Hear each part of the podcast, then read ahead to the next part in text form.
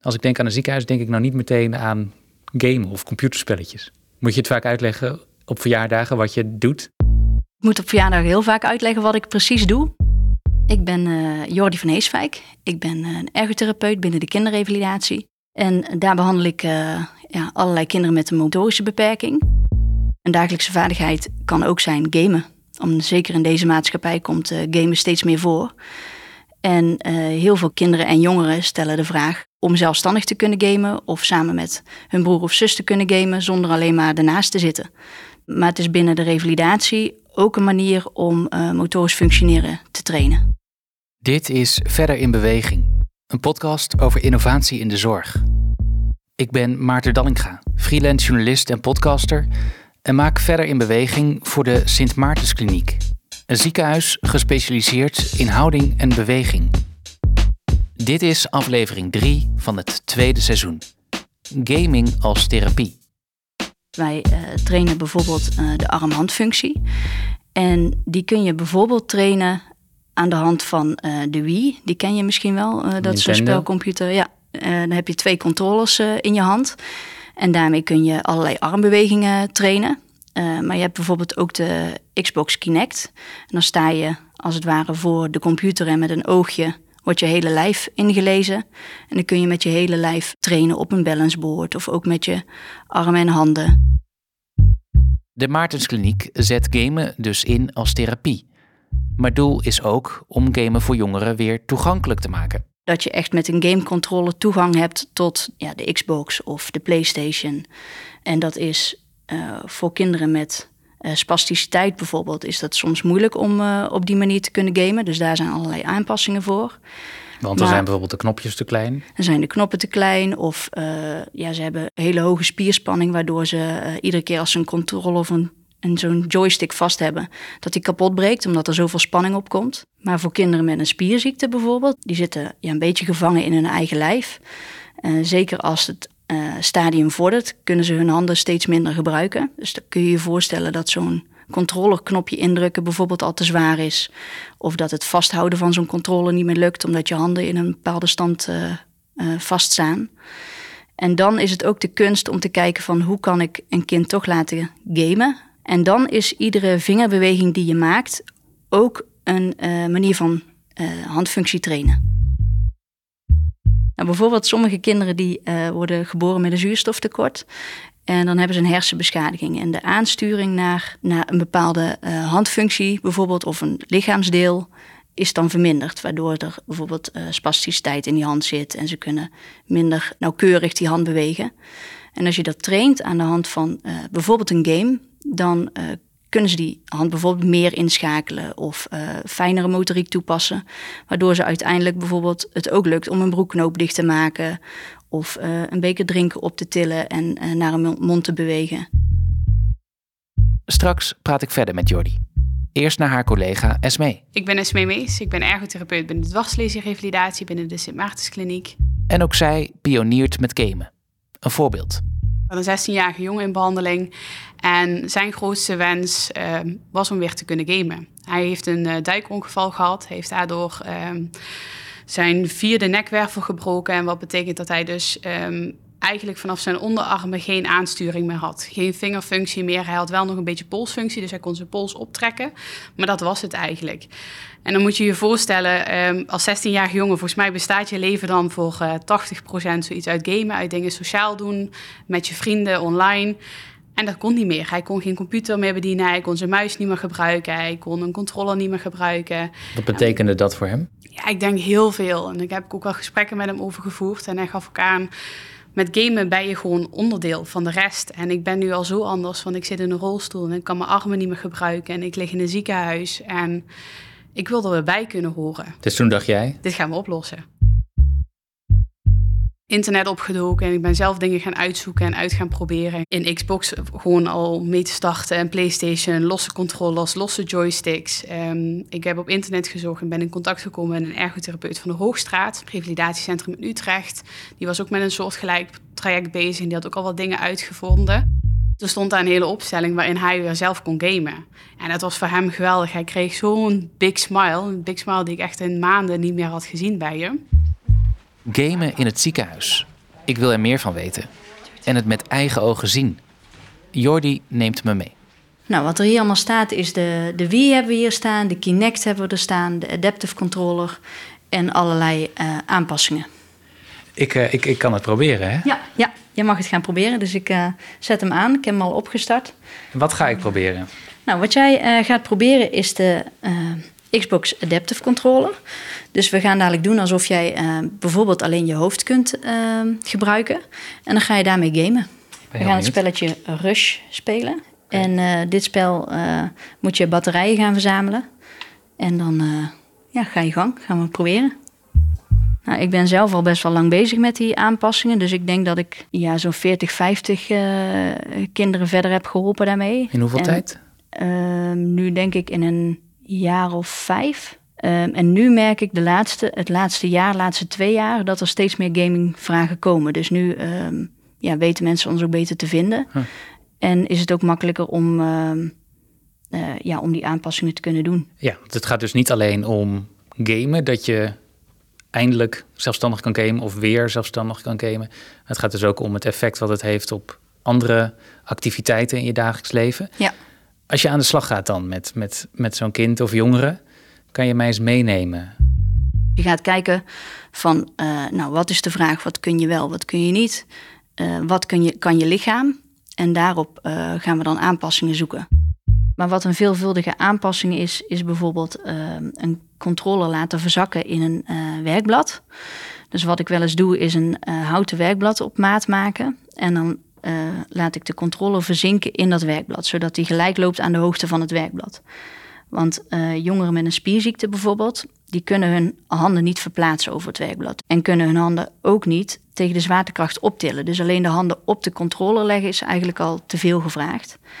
En als die controller dan in het werkblad ver verzonken ligt, dan kun je gewoon je handen uh, erbovenop leggen.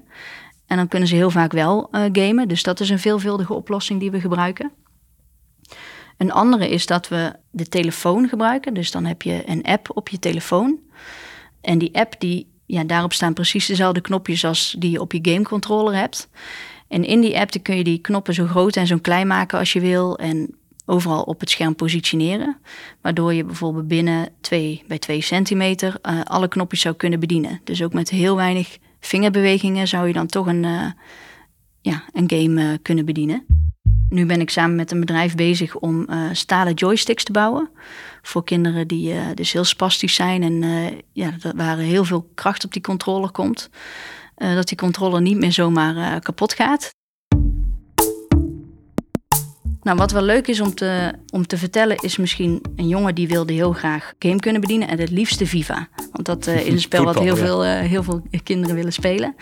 En die jongen die zat, zit in een elektrische rolstoel. Die bestuurt zijn elektrische rolstoel ook met zijn hoofd en met zijn voeten. Omdat hij zo spastisch is. Dus hij kan niet gericht een knop bedienen. Je hebt de Xbox Adaptive Controller. Dat is een controller die in 2018 uh, is uitgebracht. En daar kun je allerlei knoppen inpluggen en daarmee kun je uh, ja, het gamen veel toegankelijker maken.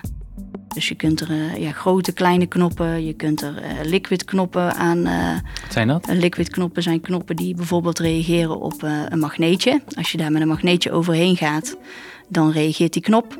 Dus dan kun je die bijvoorbeeld ergens onder een tafelblad bouwen. En dan hoeft het kind, als dat uh, ja, magneetje onder de vinger heeft, hoeft hij maar een klein beetje te schuiven over het uh, werkblad. En dan reageren die knoppen. En, en, dit is allemaal te koop in de winkel of op internet? Uh, dit is wel te koop op internet, maar je moet wel goed weten waar je, waar je moet zoeken inderdaad. Ja. Wat ik nu ga doen, in dit spelletje moet je bijvoorbeeld kunnen redden. Dat kun je doen bijvoorbeeld met de joysticks. En de X en de Y moet je kunnen spelen met springen en pakken. Dus die ga ik nu inpluggen met een kabeltje in de uh, adaptive controller. Ja, oké. Okay. Nou, dan kun je zien, dit zijn allerlei soorten knoppen. Ik heb nu de simpelste voor jou even erbij gepakt. Nu zet je gamen in uh, bij de behandeling van jongeren. Gebruiken jullie het ook al bij de revalidatie of behandeling van oudere mensen? Ja, steeds meer eigenlijk. Um, was wel een leuk voorbeeld. Ik heb het bij een 73-jarige vrouw uitgeprobeerd. Uh, het lukte haar niet om haar pols op te trekken, maar we hadden wel het idee dat er, dat er wel wat spierkracht in zat. En ze had nog nooit gegamed en ze snapte het helemaal niet waar ik het over had. Maar ze stond voor alles open. Dus ik heb daar achter de computer, achter het beeldscherm gezet. Ik uitgelegd wat ze moest doen. We hebben Formule 1 gereden. Ze botste overal tegenaan. Maar ze vond het geweldig. En in zeven minuten gamen is ze van een afhangende pols uiteindelijk gegaan naar een volledig opgetrokken pols. Ze kon op de vraag, kunt u uw pols optrekken, gewoon in één keer een pols optrekken, maar hem ook daar vasthouden. Dus hij viel niet meteen naar beneden. Ze had echt dat stukje controle weer teruggevonden. Dus leren waar zit de aanspanning, hoe span ik mijn spier aan. Hoe, hoe valt dit te verklaren? Het gaat zo snel dan? Het gaat heel snel. En dat is ook iets wat we willen onderzoeken ehm, in het wetenschappelijk onderzoek. Maar ik heb verschillende hypotheses er wel onder. Waaronder ik denk, het is een stukje biofeedback. Want je krijgt natuurlijk uh, direct op beeld te zien van wat je aan het doen bent. Uh, is een stukje placeholder therapie. Um, plus daarbij denk ik, door bijvoorbeeld bij de Formule 1 het geluid van de ronkende motor, hoe harder je het knopje induwt, dat het veel makkelijker is om, oh ja, hier zit de beweging, zo moest ik hem maken. Dus je krijgt direct van allerlei kanten te horen en te merken, oh ja, zo moet ik het doen. En uh, ja, dat was super leuk om te zien. En uiteindelijk vroeg ze me heel vaak in de therapie daarna, kunnen we nog een keer gaan gamen? Kunnen we nog een keer gaan gamen? Dus ja, en nu, nu ook nog steeds met, uh, met mensen die op de afdeling zitten. Ik kijk eigenlijk niet meer echt naar de leeftijd. Ik kijk gewoon meer, pas jouw hulp vragen bij, uh, bij de therapie die we eventueel kunnen bieden.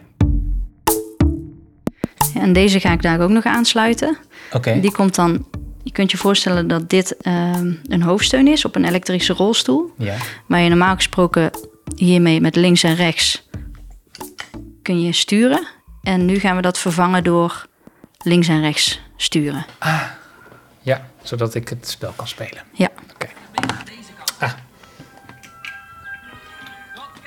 Pakt u hem al? Kijken wat je moet doen. Nou, hiermee kun je dus rondrennen.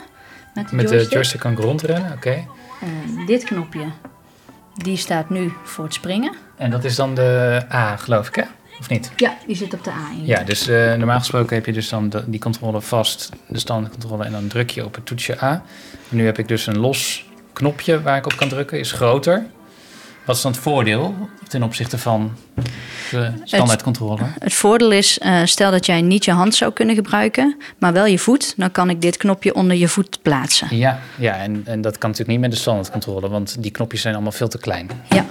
Ja, dus je hebt wat grovere dingen dan uh, nodig. Ja, klopt. En dit is nog een kleine knop en uh, die kun je ook in veel grotere buttons lijkt, krijgen. Lijkt een beetje op een, een pianopedaal, moet ik ja. aan denken. Ja. Hoe is het afgelopen met de jongen over wie je vertelde? Toen hebben we eerst die Xbox Adaptive Controller gebruikt. Um, en daar kon hij wel een aantal knoppen mee bedienen. Hij kon daar met zijn hoofd uh, kon hij wel uh, ja, aansturen. Dus daar konden we twee knoppen plaatsen. Ja, voetballen naar en, links of rechts sturen ja, bijvoorbeeld. En onder zijn voeten. Maar ja, FIFA heeft uh, iets van twaalf knoppen of zo die je moet kunnen bedienen. En hij kon er maar vier. Dus was geen nou, optimale oplossing. Nee, ga je de wedstrijd niet winnen. Sommige, voor sommige kinderen is dat genoeg en voor sommige games, maar voor hem niet. Dus toen hebben we een uh, controller op, uh, op maat gemaakt. Dus ik ben uh, met klei aan de slag gegaan en gekeken van oké, okay, nou, ik had namelijk een duimfunctie die wel redelijk stabiel was en waar die ook gericht mee kon aansturen. Alleen die controller die paste niet, hij kon niet alle knoppen aan met die duim. Dus ik ben eerst gaan boetseren van hoe moet die vorm van die controller er dan uitzien. En nou, toen ik daarachter was, ben ik vervolgens al die knopjes gaan programmeren in die vorm. Dat kun jij. En uh, ja, dat heb ik inmiddels, uh, inmiddels geleerd. Want uh, voordat die Xbox Adaptive Controller er was, moest, moesten we natuurlijk ook iets verzinnen. Kijk, die is pas in 2018 uitgekomen. En daarvoor ja, schroefde ik ook die controllers open en ging ik op de printplaat allerlei knoppen vastzetten. Dus je hebt iets geboetseerd en toen? Nou, toen heb ik daar knoppen op, op vastgemaakt. Ook zelf? Zodat hij, ja, ook zelf. Die hij met de duim kan bedienen? Ja, en dan kan hij met de duim inderdaad alle, alle knoppen op die controller aan. En het leuke is, want hij, ja, hij kan nu dus die PlayStation en, en FIFA bedienen daarmee. Was je erbij het eerste moment dat hij dat deed? Ja, dat was echt een heel euforisch uh, moment, ja. ja. Nee, hij was uh, helemaal in tranen dat hij, uh, dat hij weer die game kon bedienen. Dus dat was heel gaaf. Ja, daar doe je het voor natuurlijk. Dat, ja, dat is het leukste als het uiteindelijk ook echt lukt en werkt. Dan denk ik ook, het gaat niet alleen om ja, het, het, kunnen doen van die handeling, maar ook natuurlijk alles wat erbij hoort, het mentale effect. Ja, hij kan nu weer gamen met leeftijdsgenoten die ook online op de game zitten. En het mooie van hem was dat hij eigenlijk ook niet zo goed kon rolstoelrijden met die, uh, met die voetbediening. En we hebben, omdat hij nu ook die game goed kon bedienen, hebben we die controller aangesloten op zijn elektrische rolstoel. En nu bestuurt hij zijn elektrische rolstoel ook aan de hand van die uh, gamecontroller. Ja, dus dat is wel heel gaaf dat je daarmee zijn zelfstandigheid zoveel meer vergroot. En dan nog even naar de 16-jarige patiënt over wie Esmee vertelde. Dankzij haar hulp kan hij weer gamen. En daarmee verbetert ook hij zijn motorisch functioneren. Hij had iets aan polsfunctie, maar eigenlijk een hele beperkte polsfunctie. Um, als we kijken naar wat bestuurt die polsfunctie, dat is een, het zijn meerdere spieren, maar vooral één grote spier, de ECRL. En als we de spierkracht daarvan meten, dan zat hij op een tweetje van 1 tot 5. En hij ging maar niet vooruit. En toen ging die gamen en binnen een week zat hij op 3. En een week later zat hij op 4. En eigenlijk was het niet helemaal verklaarbaar. En dachten, nou, misschien is het toeval, misschien is het een stukje natuurlijk herstel wat er toch, uh, toch gaat komen is. Maar ik had toch zo'n onderbuikgevoel, volgens mij zit hier meer in dan, dan dat we denken. En toen heb ik het op zijn andere hand gezet, de bediening. En daar gebeurde precies hetzelfde. Daar is hij van een 2 naar een 3 gegaan. En nu zit hij daar ook op het randje van een 4. Um, ehm, en wat dat voor een dwarslesie-patiënt betekent, het stelt hem nu in staat om arm-handchirurgie eventueel te kunnen krijgen. Dus we zouden nu uh, middels chirurgie spieren en pezenzenuwen om kunnen leggen... om hem weer een stukje handfunctie terug te geven. Om hem een stukje knijpfunctie in zijn duim of in zijn hand terug te kunnen geven. Maar als hij eerst die twee had, kon dat niet. Dan is die operatie niet mogelijk. Dus dit is een enorme doorbraak. Ja.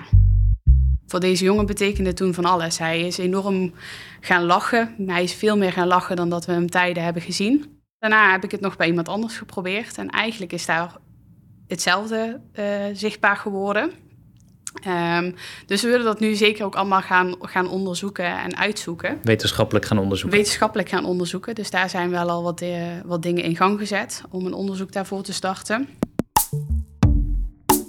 Okay. Nou, als je de joystick gebruikt, dan zou je daar ah, ja. de ladder op kunnen oh, klimmen. ja, ik ga het egeltje achterna. Nou, en het mooie is um, dat, we, dat je deze ook als um, co-pilot in kunt stellen. Dus die adaptive controller. Als stel dat jij alleen maar kunt lopen, maar ik uh, ben jouw broer of je zus, mm -hmm. dan kan ik aan de hand van een controller uh, bijvoorbeeld uh, het springen bedienen. En dat jij rent en ik spring. Ah, oké. Dus dan kan je de klassieke controller combineren met de speciaal op, op maat gemaakte dingen. Ja, en dan maak je samen één controller. Dus hetgene oh, wat jij kunt bedienen, bedien jij dan. Ja. En de rest uh, bedien ik. En uh, stel nou dat ik inderdaad mijn hoofd niet kan bewegen. Ja, zal ik die even aansluiten? Ja. Komt die aan. Uh, wat ik hier nu op je hoofd zet is een uh, hoofdsteun die we normaal gesproken bij een Adremo-rolstoel gebruiken. En Adremo-rolstoelen, daar kun je met je hoofdsteun links en rechts sturen. En uh, soms kun je bijvoorbeeld ook gas geven nog uh, achter op je hoofdsteun. Ja, en dat, doe je, dus door je hoofd of naar links of naar rechts, naar rechts te ja. bewegen, te knikken. Ja. Er zitten eigenlijk twee flappen. Uh, aan de zijkant. Aan de zijkant van je hoofd. Dus links zit een flap naast je hoofd en rechts. En daarmee kun je door links en rechts te kijken de knop indrukken. Ja, maar daarmee kan ik nu dus um, dit personage besturen. Oké. Okay. Ja, wauw. Heb ik nu het level al bijna gehaald? nee, dan mag je nog wel even verder spelen. En hoe wordt dit alles gefinancierd? Komt dat puur vanuit de Maartenskliniek? Of worden er ook samenwerkingsverbanden gezocht met commerciële partijen als Microsoft? Sponsoren die bijvoorbeeld ook dingen? Um, nou, het is mooi dat Microsoft die Adaptive Controller voor een mooie prijs in de, op de markt heeft gezet. Dus uh, ja, voor 100 euro heb je zo'n uh, Adaptive uh, Controller. En daar zijn ook knoppen bij geleverd. Ja, met een adaptive kit heb je ja, een aantal knoppen die je erop aan kunt sluiten. Die zijn ook niet al te duur. Maar het zal toch van, voor, voornamelijk uh, vanuit de bekostiging van uh, cliënten zelf uh, moeten komen. Dus ehm, ja, voor 200 euro heb je en de adaptive controller en een aantal knoppen. Maar heb je ook weer een joystick nodig, dan kost dat ook weer, weer geld. Dat raakt natuurlijk wel aan het thema sociale ongelijkheid. Je, je kan er dus alleen van profiteren als je het geld hebt of je ouders het geld hebben. Um, nou ja, in die zin, als je een normale controle aan moet schaffen, dan uh, kost ja, zo'n controle ook wel rond de 80, 90 euro. En vroeger was je zo uh, 1000 euro kwijt om alles aan te schaffen. Dus dat, voor de meeste mensen is het wel mogelijk om voor de meeste mensen, als je, ja, als je in staat bent om een Xbox aan te schaffen, dan, dan ja, kun je deze details er ook wel bij aanschaffen. En heel soms vergoedt de gemeente ook nog wel aan de hand van een uh, sportbudget wat daar dan voor, uh, voor ingezet wordt. En maar, verzekeraars? Zorgverzekeraars heb ik nog niet bij de hand gehad dat ze uh, tot vergoeding zijn overgegaan. Dat we een game op deze manier inzetten is volgens mij redelijk uniek op deze manier. En ik denk dat dat ook iets is waar we in de toekomst steeds vaker naartoe gaan om het leuk te maken en interessant te maken. Ik denk dat het, uh, dat het steeds groter gaat groeien. Um, ik denk dat we er nu met z'n allen al sowieso voor openstaan. En ik denk met wat sowieso de toekomst gaat brengen, dat technologie steeds belangrijker gaat worden. Dus dat we er ook wel aan moeten gaan geloven. Um, maar ik denk dat het binnen de Sint steeds belangrijker gaat worden voor allerlei verschillende doelgroepen. Dus niet alleen maar voor de jonge dwarslesiepatiënten, maar ook voor de oudere dwarslesiepatiënten, voor de mensen met amputaties, de mensen met, um, met hersenletsel, maar ook bijvoorbeeld de, de, de VR-gaming. Dat is nu ook al zo'n groot project binnen de Sint Maartenskliniek en het laat al zo'n mooie resultaten zien. Um, en dat wordt op alle afdelingen volgens mij al een beetje uitgeprobeerd en ingezet. Nou, ik denk dat dat alleen maar groter gaat groeien. En je hebt het dan over gaming, maar ik kan me voorstellen dat de inzet van controllers ook zou kunnen werken als je bijvoorbeeld mensen weer wil laten tekenen op de iPad of de krant wil laten lezen of wil Absoluut, het kan, laten typen. Het kan voor alles werken. Um, als je bijvoorbeeld kijkt naar die ene jongen waarmee ik dit project ben opgestart. Met zijn controllers bedient hij nu zijn hele computer. Hij uh, praat tegen zijn computer en die typt voor hem. Maar en dan kan hij online lessen volgen ook? Ja, ook. Maar hij gaat ook gewoon met zijn computer nu naar school toe. Met zijn controller. En dan kan hij gewoon in de klas zitten en gewoon weer meekomen met zijn medestudenten. Ook weer gewoon toetsen maken. En die controllers bieden hem in staat om alles te doen wat zijn handen niet kunnen. Ja, hij heeft een, een deel van zijn vrijheid weer terug. Ja, een deel van zijn vrijheid wel weer. Nu heb je bijvoorbeeld, uh, nu heb jij iemand gespeeld die uh, ja, niet zo heel gericht zijn bewegingen kan doen. En waarschijnlijk heel veel spasticiteit in zich heeft. In een rolstoel zit. En nu ga ik jou iets laten zien wat je op je telefoon kunt pluggen. Waardoor je hele, met hele fijne vingerbewegingen kunt spelen. Het ziet er eigenlijk uit als een, ja, een heel klein rondje. Wat je op je telefoon kunt plakken. En dan voelt het toch alsof je een controle bedient. Ja. En daar heb je dan een app eh, bij nodig? Ja, klopt. Het lijkt ook een beetje op de sensor van de telefoon, hè? van de smartphone. Ja. Waar je op kan drukken om je telefoon te openen. Het is dus heel fijngevoelig. Ja, is heel fijngevoelig. En um, ja, wat die jongeren mij teruggaven, is dat het niet prettig is om uh, alleen je vinger op de telefoon te hebben, maar dat je ook een beetje feedback terug wil krijgen van ja, wat is. Ja. ja. dat je het gevoel hebt dat je echt iets aanraakt. Ja, dit rondje, dat muntje zeg maar waar je op moet drukken, wat je moet bewegen, dat beweegt dan weer in een ja, hele kleine arena, zou je kunnen zeggen, van een groter rondje. Dat is dus uh, je handelingsruimte, zou je kunnen zeggen. Ja, wauw. Je hebt weinig kracht, no ja, weinig kracht nodig om nu uh, die beweging te maken. Nou, en wat uh, misschien ook nog wel leuk is om te vertellen, is dat ik een jongen in behandeling heb met een locked-in syndroom. En dat betekent dat die jongen eigenlijk gevangen zit in zijn eigen lijf. Dus hij kan zijn lijf minimaal bewegen. Alleen zijn duim heeft hij uh, wat controle over. En verder uh, kan hij niet zien. Hij zit in een rolstoel. Uh, hij kan ook niet meer praten. Spreekt door middel van een communicatieapparaat. En dat communicatieapparaat dat, speelt een patroontje af. Dus ABCD, EFGH, IEKL. En dan moet die jongen op het juiste moment drukken om een letter te kunnen selecteren. En die jongen had ook de vraag van, zou ik niet kunnen gamen? En uh, wat we bij hem gedaan hebben, is zijn van die oude DOS-spellen.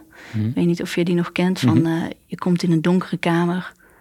Uh, je kunt Noord, Oost, Zuid en West. En, en op Westen heb je een, een mooie schat liggen. Nou, dan hebben we die DOS-spellen hebben we omgebouwd in dat communicatieapparaat. Zodat hij met het apparaat en kan communiceren. Maar ook dus dat ja, zo'n oud spel kan spelen.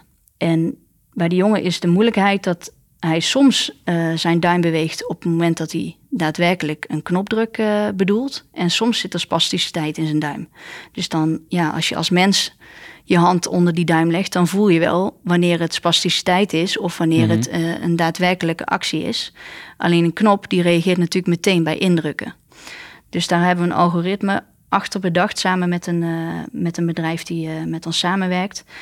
Zodat ook die algoritme kan bepalen van is dit spasticiteit of is dit... Het onderscheid kan maken. Het onderscheid kan maken. En nu kan hij dus ook met dat ja, communicatieapparaat gamen. Terwijl hij dus heel erg opgesloten zit in zijn lijf. Wat betekent dat voor deze jongen? Dat betekent voor hem heel veel, want hij ja, kan de dag daarmee uh, weer een deel vullen en vindt het heel leuk om uh, iets anders te kunnen doen dan alleen maar ja, te spellen wat je heel de dag uh, nodig hebt. Ja. En het, het leidt hem ook af van de pijn die hij die, die heeft. Ja. ja. wat doe je mooie dingen? Ja, het is ja, heel leuk om hiermee bezig te zijn. Dit was de derde aflevering van het tweede seizoen van Verder in Beweging. Een podcast van Maarten Dallinga voor de Sint Maartenskliniek. Ben je enthousiast? Luister dan ook naar de eerdere afleveringen. En laat een recensie achter in je podcast-app. Of deel deze aflevering via sociale media. Voor achtergrondinformatie bij de afleveringen ga naar verderinbeweging.nl/slash podcast. En wil je reageren? Mail dan naar communicatie.maartenskliniek.nl. Bedankt voor het luisteren en graag tot de volgende.